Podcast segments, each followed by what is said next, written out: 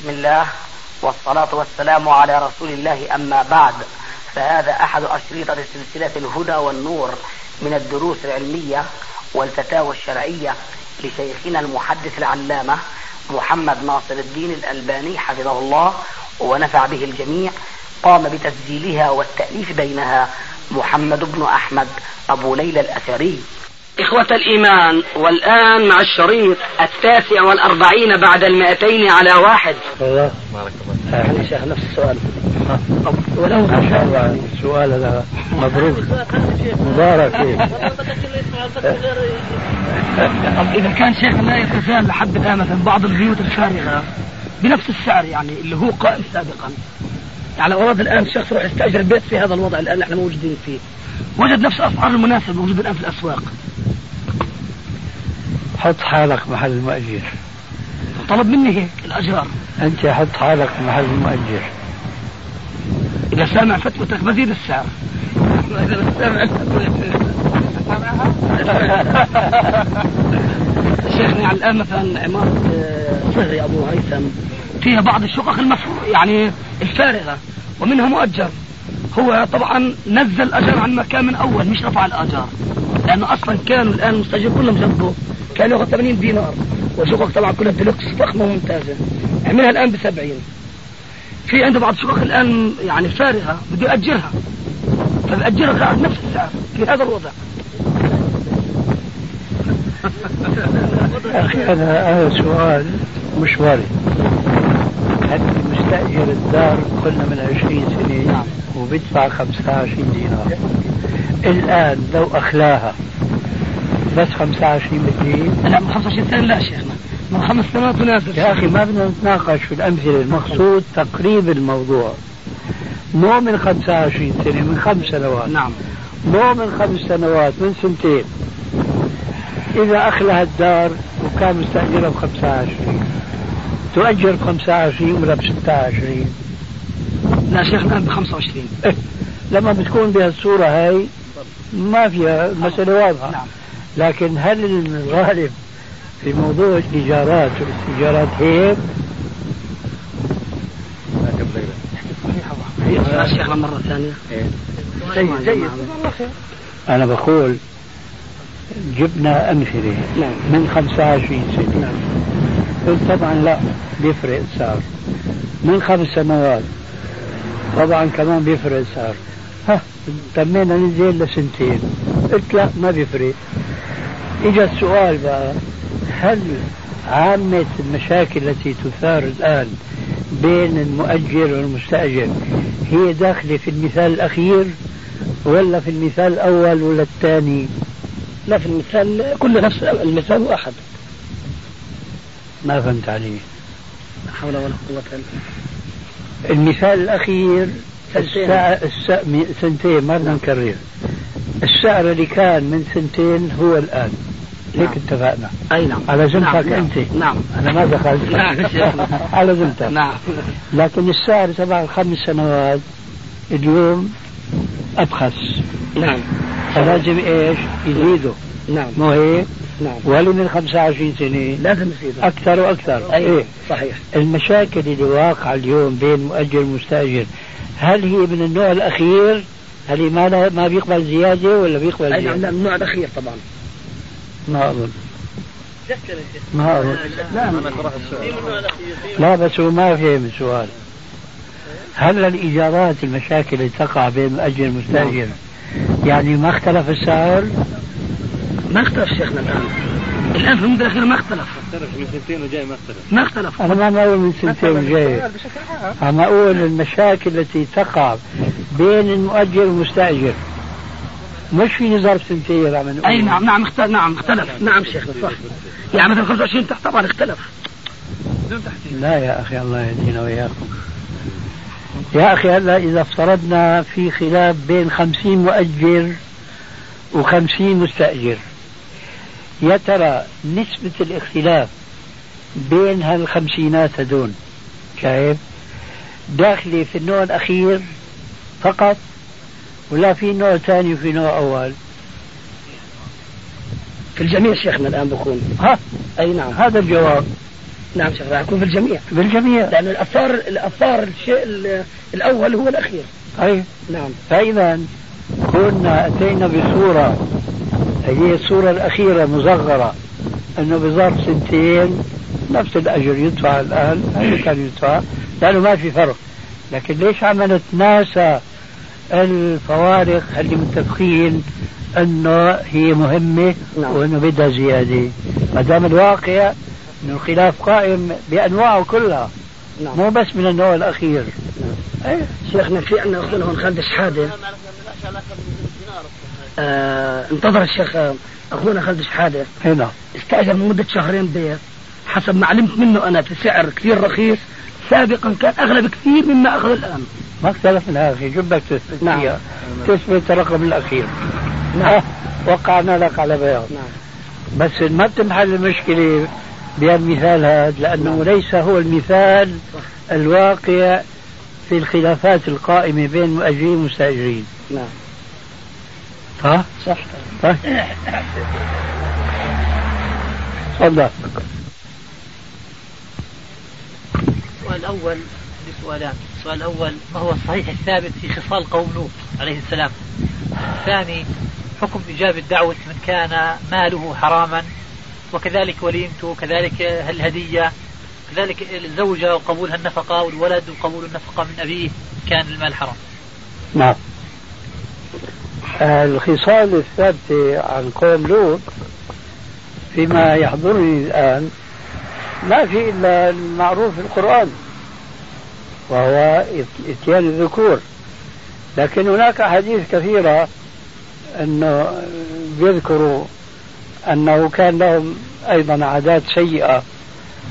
آه، يحضرني الآن أنه كان عندهم ولا مؤاخذة من لفظة الضراط كان الواحد منهم يفرجها غير غير مبالي بالجالسين في المسجد في هذا حديث لكن أنا ماني مستحضر الآن شو آه الحديث هذا شو مرتبته ما بعرف إذا كانوا إخواننا حاضرين بيستحضروا شيء من هذا ولا لا في عندك شيء؟ ها؟ لا يا إخوان نعم عندك شيء؟ لا لا هذا غير صحيح.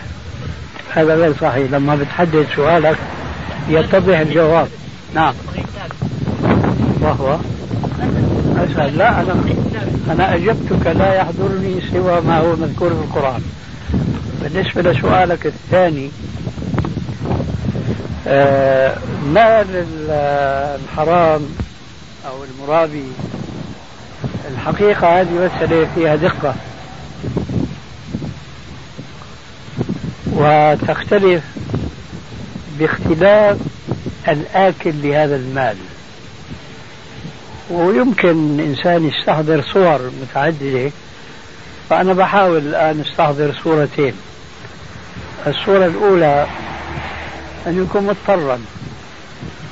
كأن يكون مثلا ابنا ولدا أبوه ماله حرام فهو عايش معه وليس له سبيل وليس له آه، مصدر رزق في غير إيش؟ في غير هذا المكسب الذي يكسبه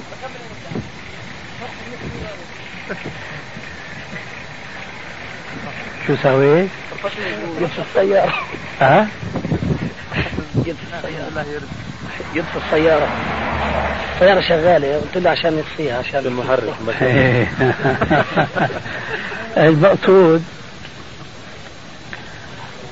ما عنده سبب رزق غير ما يقدمه إليه والده. فهذه صورة مما يقع اليوم كثيرا. فيكون جوابنا أنه يعيش معه حتى يشعر بأنه استطاع أن يستقل بطعامه وشرابه ولباسه عن مكسب أبيه الحرام. الصورة الثانية قبول هديته. ودعوته كما جاء في سؤالك فهنا يختلف باختلاف القابض للهدية. والمجيب للدعوة والآكل لطعامه. إذا كان كل هذه الأشياء تحصل من المستجيب أو القابض أو الآكل مداهنة فلا شك أنه يأكل حراما. وإذا كان يفعل ذلك كله من باب آه تأليف قلب هذا الداعي أو الهادي أو نحو ذلك مما جاء في السؤال والجواب فحينئذ يجوز بهذه النية إلى متى؟ إلى أن ييأس من الوصول إلى الهدف الذي رمى إليه وهو تأليف قلبه بأن يصرفه عن هذا المال الحرام.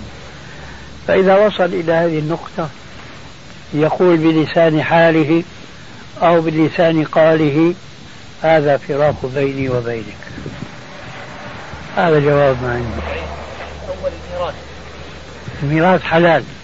يرثه وإن كان حراما أي نعم. الفرع الثاني قضية الضرورة في المسألة الأولى حالة الاضطرار مثلا طالب أنهى توجيهي الآن يستطيع أن يكسب أن يتكسب لكن يتعلم مثلا. فهل فقط من الضرورة؟ لا أبدا ليس من الضرورة في شيء. التوسع بالطعام يعني فقط يدفع ضرورة عن نفسه أم يأكل الأصناف الأخرى؟ لا بقدر ما يتوسع.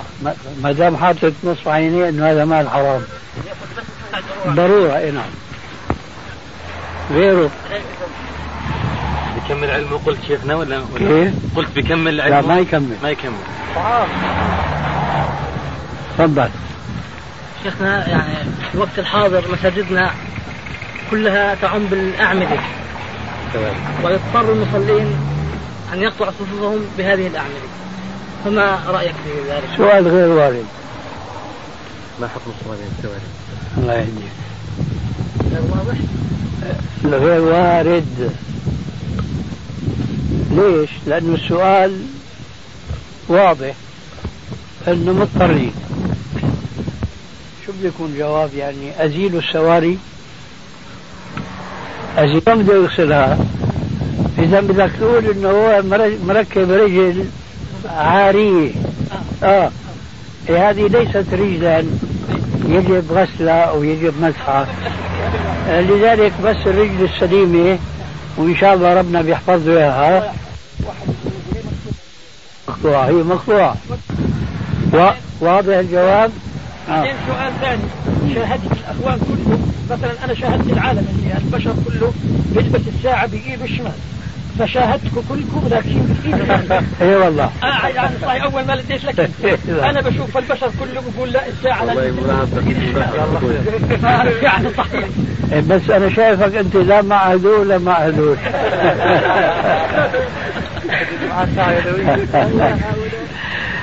هذه صحيح أنا بشوف الناس كلها لابسه بالشمال الساعة أنتم لابسين باليمين لأنه نحن حاطين شعار أننا من أهل اليمين. ان شاء الله اصحاب اليمين ما اصحاب أيوه عافية عليك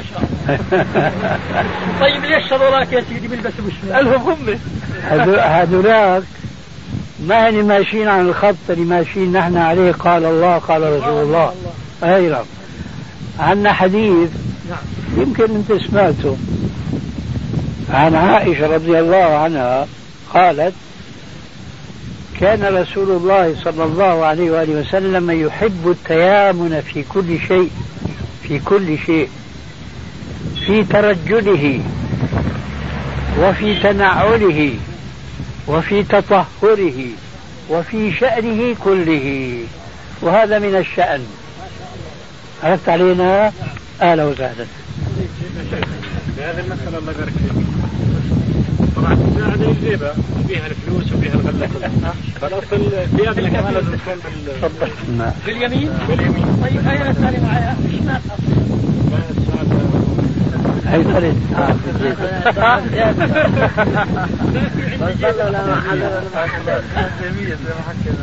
لا.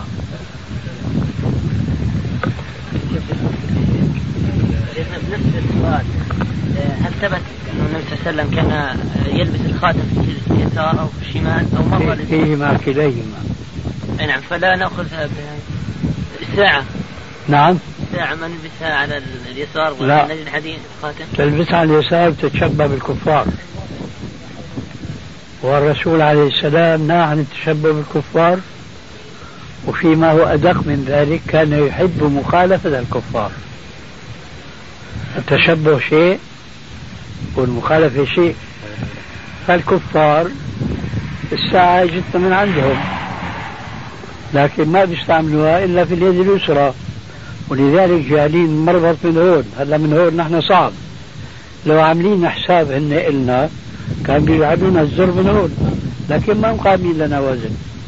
لكن إن شاء الله وتلك الأيام نداولها بين الناس. الدنيا هكذا يوم لك ويوم عليك. فنحن يجب أن نعيش ما عشنا آه، في روحنا في فكرنا مع شريعتنا مع ربنا عز وجل وفي حدود استطاعتنا معنا استطاعة مثلا نخترع ساعة سلفية تكون مربطة من هون. معنا استطاعة لكن أنا استطاعة من هون نحطها هون هاي ما إجت إن اليهود والنصارى لا يصبغون شعورهم فخالفوهم. لا يصبغون شعورهم. ربنا عز وجل بحكمته البالغة فرض على البشر آه، أطوار. أطوار هو جنين في بطن أمه. أطوار هو يمشي على أرضه. هيك هيك. من هذه الأطوار أن يبدأ الشيب. أي الأستاذ خالد بدأ الشيب يبشر بالنور يعني إن شاء الله. إيه. وهذا البياض مفروض على البشر كلهم مؤمنهم وكافرهم صالحهم وطالحهم. إجا الشرع وضع تمييز. قال إن اليهود والنصارى لا يصبغون شعورهم فخالفوه. إذا المخالفة غاية مقصودة من الشعر الحكيم. المخالفة قصد المخالفة للكفار أمر مقصود. فنحن نخالف اليهود والنصارى فيما نص عليه الشارع مباشرة ثم فيما يشير إليه الشارع الحكيم بقوله أنه كان يحب إيش؟ موافقة أهل الكتاب قبل أن ينهى عن ذلك. كان يسدل شعره ثم فرق بعده. الحديث هكذا في صحيح البخاري. كان يسدل شعره ثم فرق. ليه؟ هيك كانوا أهل الكتاب من قبل؟ الرسول عليه السلام نشأ كما تعلمون أميا. والإسلام نزل عليه تدريجيا. ما نزل طفرة واحدة بكل أحكامه اللي لا تعد ولا تحصى رأى أهل الكتاب حالتهم أحسن من الوثنيين المشركين قومه. اللي عاش وجد بين ظهرانيهم وجد اليهود والنصارى. أهدى سبيلا وأقوى مقيلا من المشركين. شو كانوا يدون يعملوا أهل الكتاب؟ يسدلون شعورهم فهو فيما بعد فرق. متى؟ حينما بدأت الأحكام تنزل عليه من رب الأنام فيها تارة تصريحا وتارة تلويحا بمخالفة أهل الكتاب.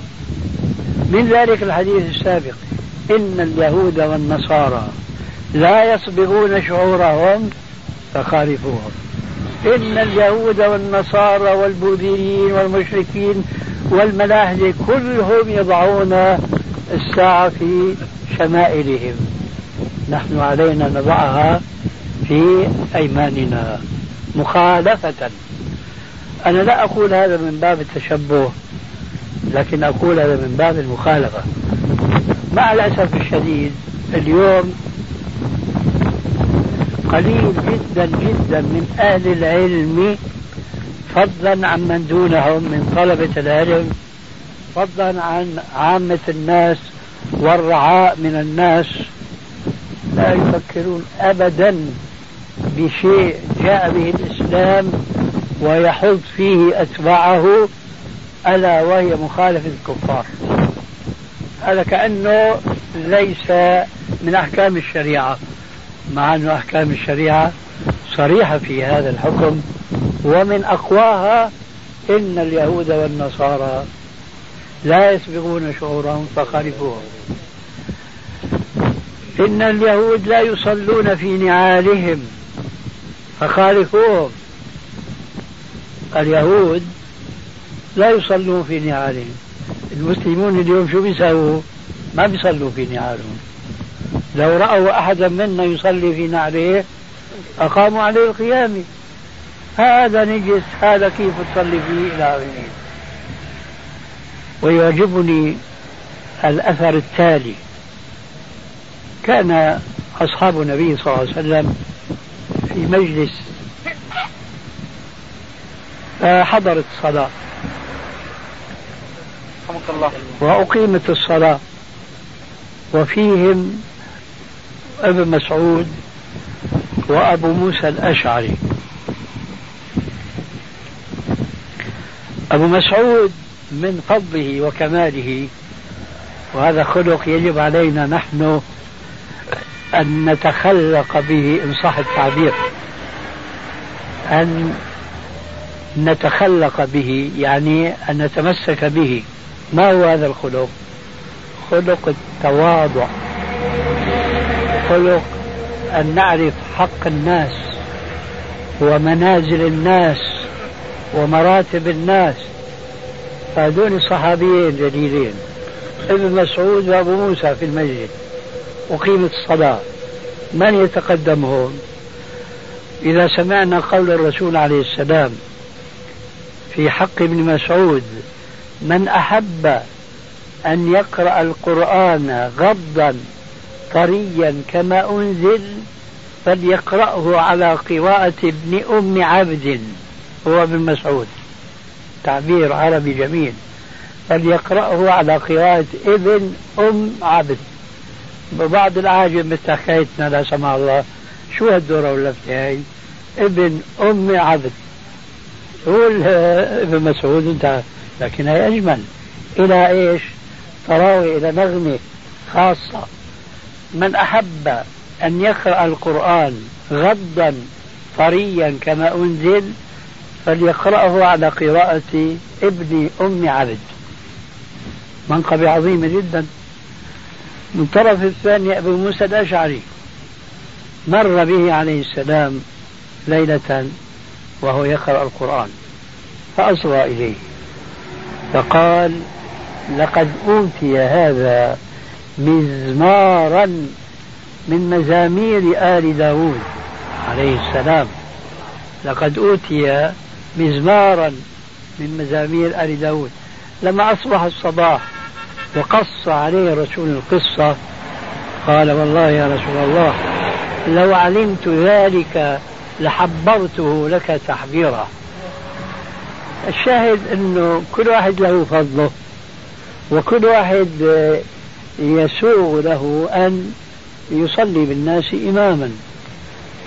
لكن ابن مسعود كان له الفضل في هذا المجلس بأنه كان هو السابق في التقديم.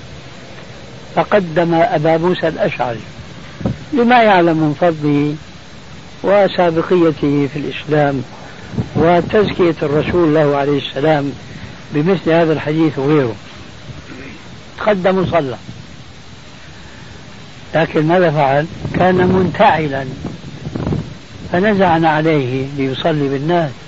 قال ما هذه اليهودية؟ هون الشاهد. ما هذه اليهودية؟ أفي الوادي المقدس أنت؟ اخلعنا عليك. إنك بالوادي المقدس. طوى. أنت موسى في الوادي المقدس. وربنا أمرك بأنك تخلعنا عليك الشاهد أمرنا بمخالفة أهل الكتاب فضلا عن غيرهم. المخالفة اليوم منسوخة من أذهان أهل العلم فضلا عن غيرهم. فيجب أن نحييها. أولا في سويداء قلوبنا وثانيا في منطلقنا في حياتنا وفي أعمالنا. وهذا من هذا الباب. نعم. بالنسبة لحديث ثالث المشركين قصد وعفو عن اللحى كيف المخالفة؟ اليوم يعني نراهم يربون لحاهم. السؤال خطأ.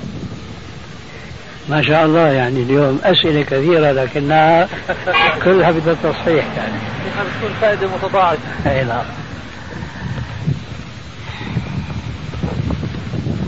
نحن بنقول نجيب أحاديث إن اليهود والنصارى لا يسبقون أنت الآن بتقول هن بربوا لحاهم هذا خطأ يا أخي. الصحيح أنك تقول يوجد فيهم من يربي لحيته. لكن ما تأخذني. إذا قلت لك لو أنك قلت هيك راح يجيك سؤال من عندي. طيب والآخرين شو بيساووا؟ حتى اللي بيهدوا. هيجيك سؤال ثالث هل بيهدوا أكثر ولا اللي بيعفوا؟ راح تقول اللي بيهدوا أكثر. وإذا بتشوف حالك سقط السؤال ما له قيمة. فبيجي هذا العقل الباطني بيشتغل بس ما بيكون طبعا مدعو من السماء وإنما مدعى من الأرض. بيوحي للسائل أنه يعمم السؤال. وإذا كان المجيب يعني شو بدنا نقول يعني مغرفلة مثل حكايتنا نحن يمشي السؤال عليه وهذا فإذا له جواب. لكن لا قربنا بفضل سنة نبينا عليه السلام نادرا ما تفوتنا زغلة. من الزغل العلمي هذا. في الأسئلة التي تأتي خطأ فإذا السؤال أنه هن بيعرفوا خطأ هن هلا بدنا نقول هن بيحلقوا ولا بيعرفوا شو بنقول؟ ولا عبرة بالغالب؟ آه بنقول ما بيحلقوا ولا بيعرفوا؟ إذا سقط السؤال آه. نعم وإذا بدك تدندن وما أظنك بمدندن إنه هذول القلة اللي بيفعلوا بدك لهم وزن الجواب معروف أيضا. راح أفرض لك الآن أنه سؤالك صحيح. أنه هم بيعرفوا لحاهم. كلهم مثل حكايتنا. طيب القوة للمسلمين أن يتشبهوا بالمشركين أم العكس؟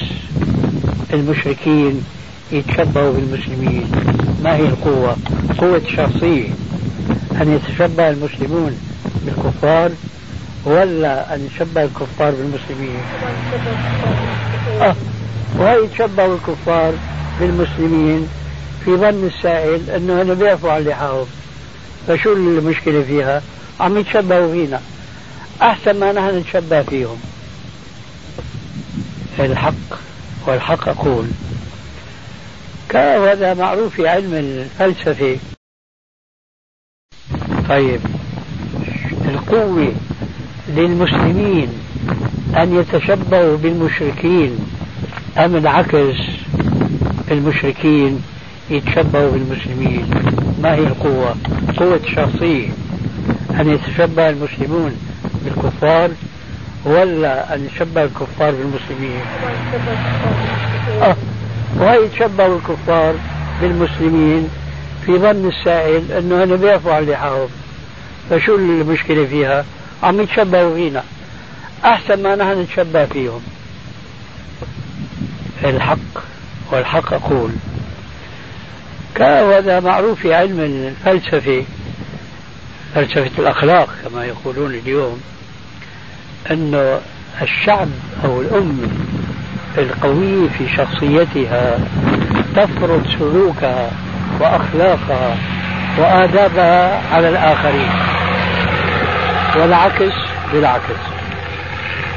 يوم كان الإسلام دولة وكان المسلمين صولة إلى عهد قريب كنت تجد الغربي يأتي بلاد الإسلام هو متعدي مثل حكيت حاطط عباية.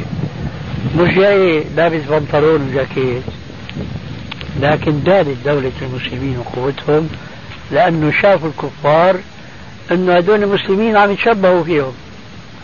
فما عاد لهم هالشخصية هي حتى هن الكفار تشبهوا بالمسلمين. الخلاصة يا أخي إذا كان الكفار أخذوا بشيء من آداب المسلمين وأخلاقهم فذلك يستدعي أن يزداد المسلمون تمسكا بدينهم وأخلاقهم لأنه ازدادوا علما بأن ما جاءهم به نبيهم عليه السلام هو الحق وهو الدين الحق. ومن الأدلة ما أقول والدليل ومن الأدلة على ذلك أن هذول الكفار تبينت لهم هذه الحقيقة. كما قال تعالى سنريهم آياتنا في الآفاق وفي أنفسهم. إذا ما في إشكال أنه يوجد في الكفار من يعفو عن لحيته. مع أنه مع الأسف وإن شاء الله ربنا بكثر سوادهم وبصيروا أصحابين لحى بس مو على حساب المسلمين هذين كبركم ونحن من عليه لا وإنما أمتن نحن محافظين على آداب نبينا عليه السلام وأحكامه. وهن بعدين فليتشبهوا بنا. وما نتشبه نحن بهم. شيخنا لا يقال شيء أيضا لهذا أن الأمر بعفو باعفاء اللحى ليس متعلقا بمخالفه المشركين فقط. قلناه مرارا. نعم. هل هل ورد قرينة أو دليل على انه فرق الشعر يكون للجهة اليمنى؟ لا ما في شيء وهذا يعني لأمر ما لأن هذه من أمور العادات ليست تتعلق بالعبادات. فالشرع لا يضع نظما للعادات لأنه ما جاء لبيانها. فيتركها للناس أحرارا. نعم.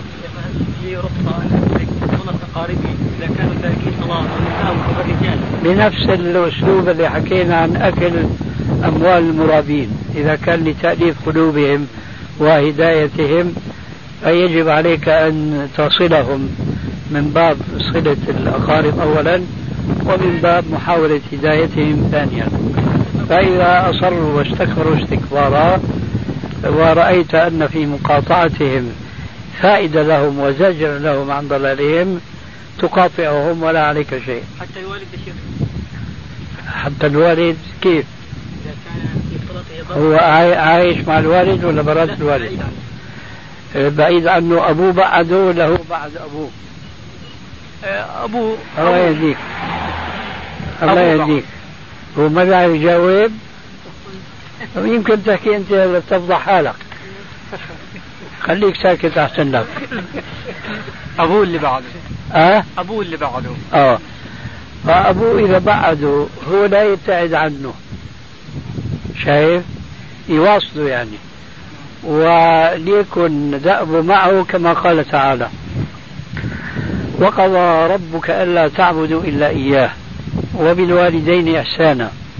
إما يبلغن عندك الكبر أحدهما أو كلاهما فلا تقل لهما أف ولا تنهرهما وقل لهما قولا كريما واخفض لهما جناح الذل من الرحمة وقل رب ارحمهما كما ربياني صغيرا. تتأدب معه غاية الأدب وتتلاين معه غاية اللين وتأمر بالمعروف وبتنهى عن المنكر في حدود المعروف لأني أنا أعرف مع الأسف أنه بعض الأبناء هداهم الله عز وجل وبقي الآباء في ضلالهم فاستأسد الأبناء عليهم وتسلطوا عليهم ورفعوا رؤوسهم وصاروا بقى يخاصموهم كما لو كان لم يكن بينه وبين هذه الصلة الأب والولد. هذا خطأ فاحش جدا. الأب والأم لهما حقوقان ما بقي في الحياة ولو كانوا مشركين. فيجب التأدب معهم وإحسان المعاملة إليهم. فإذا كان كما جاء في سؤالك أو في جوابك هو الوالد أبعد الولد فهو بياكل على جنابه وبيسكت وبيحاول إنه يحسن معاملته لأبوه في حدود الاستطاعة. لا يرفع صوته عليه ولا يقطعه لأنه له حقوق عليه. لكن يحاول ينصحه بالتي أحسن. هذا هو الجواب بالنسبة للوالدين. تفضل. شخص وضع ماله في البنك بسبب ضرورة وهون في هاي الفائدة وهي الربا. هل يجوز استخدامها في مادة جماد مثلا كشراء كتب أو غيرها أو أن يضعها في ممتلكات عامة مثلا كرسوم آه، رسوم مثلا آه، آه، تلفون أو غير ذلك أو أنه يتبرع فيها؟ قبل الجواب عن السؤال خايف يكون هذا السؤال بيسلم على الأسئلة السابقة. يعني خايف يكون خطأ أيضا. هل السؤال ما في خطأ؟ ها؟ إن شاء الله. إن شاء الله. طيب ما هي الضرورة التي حملت هذا الإنسان الذي يسأل هذا السؤال لإيداع المال في البنك وأخذ الربا عليه؟ ما هي الضرورة؟ خوفا من أن يسرق أو هو ورث مال. واحدة واحدة. خوفا من أن يسرق وهي ضرورة هذا خطأ أفحش من الأخطاء السابقة لأن الأخطاء السابقة كانت أخطاء لفظية. هذا خطأ لفظي وفعلي واحد. مال وهو صغير. لا لسه ما خلصنا من الأول سامحك الله. هلا شعر بالخطأ ويلف بدور. خير. هذا الذي يودع ماله في البنك خوفا من أن يسرق. هذا في ظني غير متقي لله عز وجل ثم قد يكون أحمق. أما أنه غير متقي لله عز وجل فهذا ما فيها إشكال. أما قد يكون أحمق لأنه يمكن ما يكون هو قارون زمانه يعني عنده أموال وين بده يحطها؟ بأنه خزانة بأنه مكان. قد يكون درويش مثل حكايتنا عنده كم مئة دينار كم ألف إلى آخره. وين بده يحطه؟ بده يحطهم في البنك. هاي حماقة متناهية. هذول ما بيقدر يعني يأمنهم بطريقة ما أحد يشعر بها إطلاقا. حتى اللصوص الممتاز اللي اتخذوا السرقة مهنة لهم. هذا خطأ فاحش جدا أن الإنسان مسلم يرتكب ما حرم الله بأدنى الحيل بأتفه الأسباب بخاف المال ينسرق. ومن يتق الله يجعل له مخرجا ويرزقه من حيث لا يحتسب. يا أخوانا والله أنا أتعجب من حال المسلمين اليوم. أقول عنهم مسلمين ولا ليسوا مسلمين؟ مؤمنين بالله ورسوله هم من الكافرين. الآية هي ليست من الآيات أو الأحكام المهجورة والتي آه، لا يشترك بمعرفتها العامة والخاصة. لا هي تتخذ لافتات تزين بها البيوت. كثير من البيوت تدخل فيها تجد آية في صدر مكان بخط جميل ومن يتق الله. يجعل له مخرجا ويرزقه من حيث لا يحتسب. الآية ليست مجهولة. كجهل تلك المرأة التي سئلت أمس عنها سألني زوجها قال لي أنا تزوجت حديثا. ويقول هو سعودي وهي من البلاد هي. بيقول بعد ما تزوجنا تبين أن المرأة بتصلي الصبح والظهر بدون اغتسال من الجنابة بس تتوضأ. وما بعد تغتسل وبتصلي بقية الصلوات وهي طاهرة. استغربت أنا لأول مرة أسأل مثل هذا السؤال امرأة مسلمة. وسألت قديش عمرها؟ أظن أني 20 21 سنة. وين عايشة هي؟ ما تعرف أنه طهارة من الجنابة شرط من شروط صحة الصلاة. بقول أنه قوله تعالى وإن كنتم جنبا فطهروا ليست في الشهرة عند المسلمين والمسلمات. ولذلك هذه المسكينة وقعت في المخالفة. كشهرة آية ومن يتق الله. لأنه هاي إيش؟ متخذ لها لافتة. أتساءل في نفسي أن المسلمين دون مؤمنين بها الآية ومن يتق الله يجعل له مخرجا. إذا هو اتقى الله وحط المال في مكان ما حدا بيعرفه وإن كان بلغ النصاب كل سنة بيطالع زكاته. بيعتقد أنه هو لأنه اتقى الله يسلط عليه النصوص حاشا لله. إذا وين العذر فضلا عن الضرورة. لهذا المسلم عليكم السلام. لهذا المسلم هل بيودع ماله في البنك؟ ما في ضرورة يا حبيبي. هذا خطأ. كان هذا ورث مال وهو صغير من غير خص بعدين صار كبير ولا نختصر الطريق؟ صار كبير بعدين نعم. ولا تم صغير؟ ما هو قبل ما كبر كان في فائدة.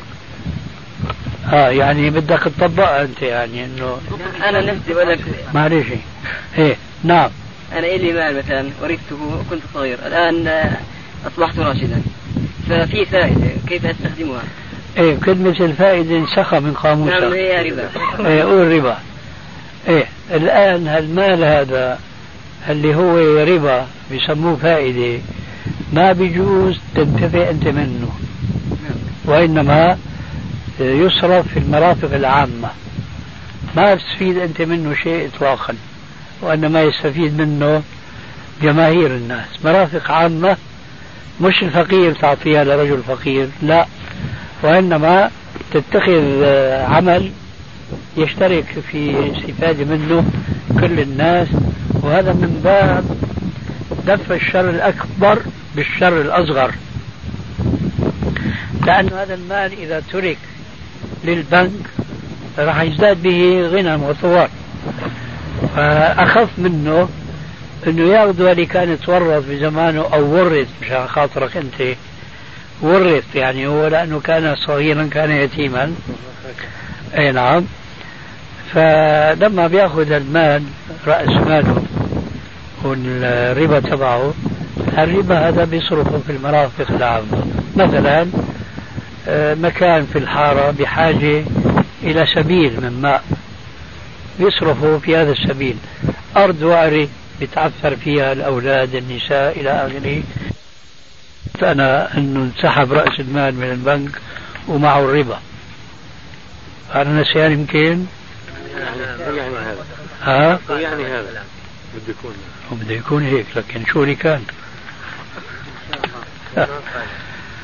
أظن وضح لك أنه إن كان مسؤولا فلا يجوز له أن يودع ماله في البنك ما في ضرورة إطلاقا وإن كان غير مسؤول فساعة التكليف يجب أن يسحب هذا المال من البنك حتى يبقى نظيفا ذكيا مزكا. وما يعطونه من الربا لا يستفيد منه شيئا وإنما يصرفه في المرافق العامة. نعم. كما فهمت يعني قد يكون إيه تفضل. خطأ أجبت أو استثنيت الميراث كان إيه نعم. من مال حرام إيه نعم. استثنيته في جواز التصرف به لا شك. قبل قليل في لا شك لا شك. بأكد الذي فهمته أنت صواب. نعم. الآن مع الجواب الأخير. آه. في شيء من تناقض لا. قد فهمت خطأ. لا ما في تناقض لأن هذا الكسب ليس هو مورثا حتى يدخل في المال وإنما هو من البنك حصل. يعني هو قال هو قال أنه أهله وضعوا المال في البنك وكان هو صغيرا. أخيرا كبر الزلمة وما قال هو استخرج المال كما استدركنا آنفا لكن نفترض أنه هو استخرج المال من البنك. ها؟ ماذا ها؟ كل سؤال يا أخي له جواب. بس جوابي له ما بيخالف ما سبق. هلا أنت شعرت أيضا كما يشعر غيرك بأن هناك خطأ في تصورك لذلك قلت مات أبوه. مات أبوه ورث المال الذي تركه. ولو كان كله حراما. فإن كان المال المتروك فهو وارثه. أما إن كان المال ليس متروكا لا يزال في البنك. عرفت كيف؟ أنا فهمت سؤاله. آه، على كل حال وضح لك الجواب يعني على كل حال. نعم. يا الله يا كريم. تفضل. إذا سمحنا النساء العرف أن يغنين وتفضل فذلك ذريعة إلى أن يصل هذا الصوت إلى الرجال. هل نمنعهن لذلك أم ذلك رخصة؟ لا ما نمنعهم لكن نوصيهم بأنه ما يبالغوا في ذلك قدر الإمكان. لأن هذا أمر مستثنى مما هو حرام عادة. أنت بتعرف أنه الضرب على الدف حرام. صح ولا لا؟ لكن أبيح بمناسبة النكاح. وكذلك الغناء المباح من النساء هو مباح بهذه المناسبة. فما نستطيع أن ننهى النساء عن شيء أباحه الله أو نبيه عليه السلام لهن. وإنما بنحاول نلطف الموضوع بقدر الاستطاعة بحيث نجمع بين تحقيق المصلحة ودفع المفسدة التي أنت تلمح بكلامك إليها. نعم. الحكم في الخواتيم بدون فص الخواتيم بدون فص يعني تقصد أنت بدون حجر. آه نعم تقصد يعني يسمى بخاتم الخطبة ولا بصورة عامة؟ لا خاتم الخطبة معروف إنه بصورة عامة عم أقول لك عم مهد لك بصورة عامة عامة ما في فرق كان هيك ولا هيك. شو اللي يهمك في الموضوع؟ ما في فرق كان هيك ولا هيك. هو الخاتم كله إن عشت وأنت متختم أو عشت وأنت غير متختم فارتاع كذلك إن عشت أنت متختم آه، بخاتم له فص أو له فس أو له فص أو ليس له فص ولا فص ولا فس مثل بعضه. الله وهذا الجواب؟ ولا في نفس ما فيها؟ شايفها ضعيفة هي الله يجزيك الخير. هذا آه شايف خليها تطلع ناصحة. طلب التوضيح الشيخ الشيخ طلب التوضيح بعدين بيجي دورك قلت ومن أصعب الأشياء توضيح الواضحات قلت وأنا مثل حكايتك. شو الفرق بيني وبينك؟ أنت تشركسي وأنا ألباني أنت عالم وأنا جاهل إيه لكن أنت ما قلت أنت عالم وأنا جاهل. قلت أنا تشركسي ولذلك قلت لك أنا ألباني. وعرفت أنه هذا السلاح غير ماضي. عاد ما غيرت عبارتك مثل صاحبك وغيره. المقصود قلت أنا أنه زيد من الناس عاش متختم طيلة حياته. وآخر بدون تختم طيلة حياته كلاهما سواء.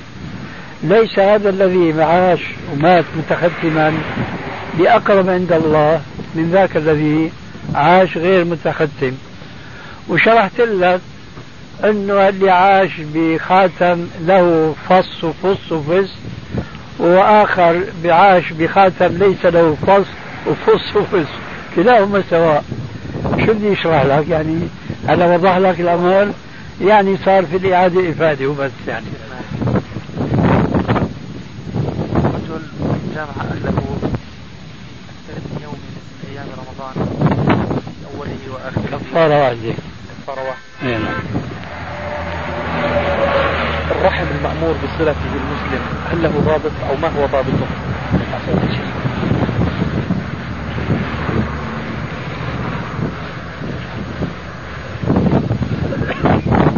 النية اللي بتحركها النية اللي بتحركها كويس كان يا شيخ بدي اعمل له هيك ارفع الصوت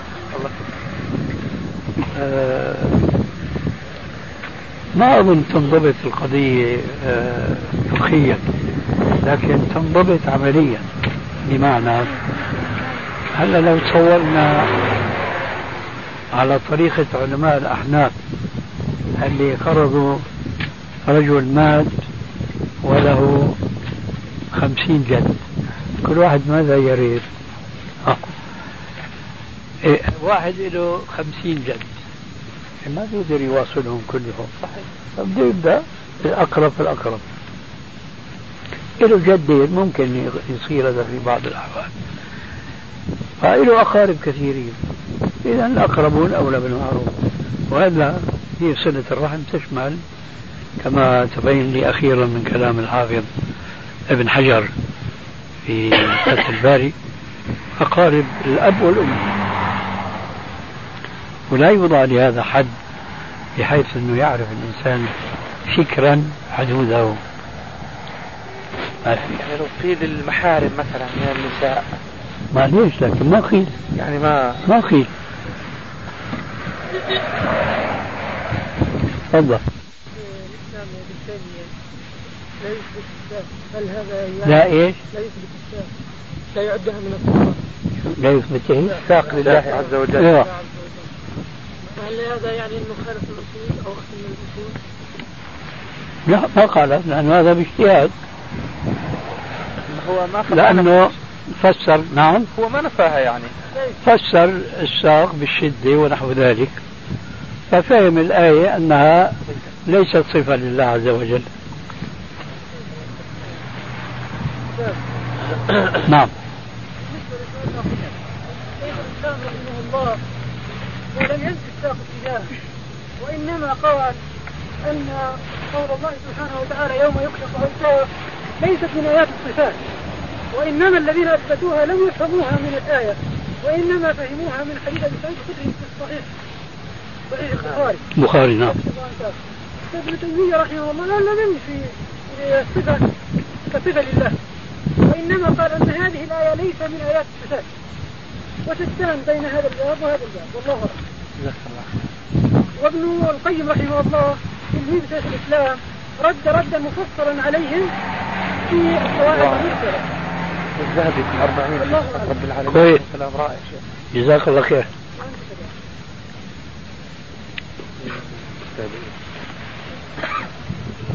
تفضل. ما الفرق بين لفظ كافر وكفر؟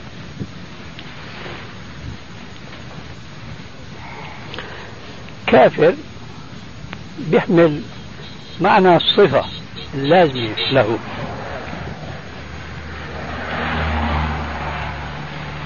وليس كذلك كفر. فليس كل من كفر يصير كافرا. مثال ليس كل من عدل مرة واحدة يصير عادلا.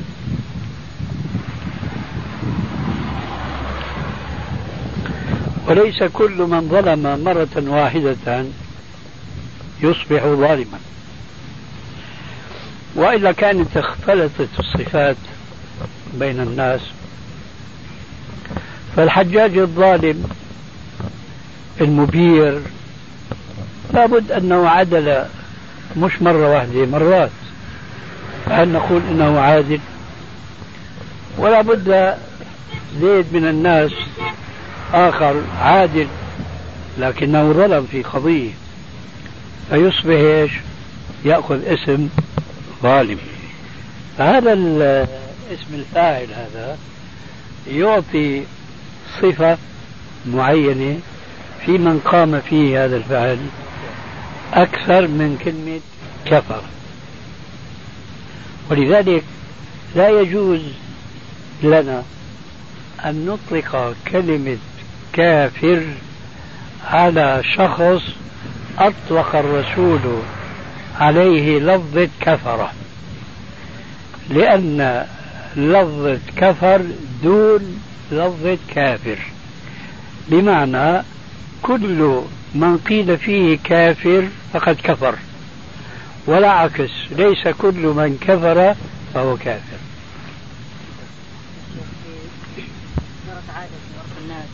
أثناء إعلان النكاح والزفاف وهي دخول آه، الزوج على زوجته يعني أمام النساء سواء مغطيات أو لا وبيلبسها الذهب. غير ذلك أنه بعد انتهاء الحفل بيخرجوا في سيارة طبعا مزينة وبيلفوا مثلا البلد مع إطلاق البوري غير ذلك. فما بدري هل حكمها في الناحية الشرعية وما هو الصحيح مثلا في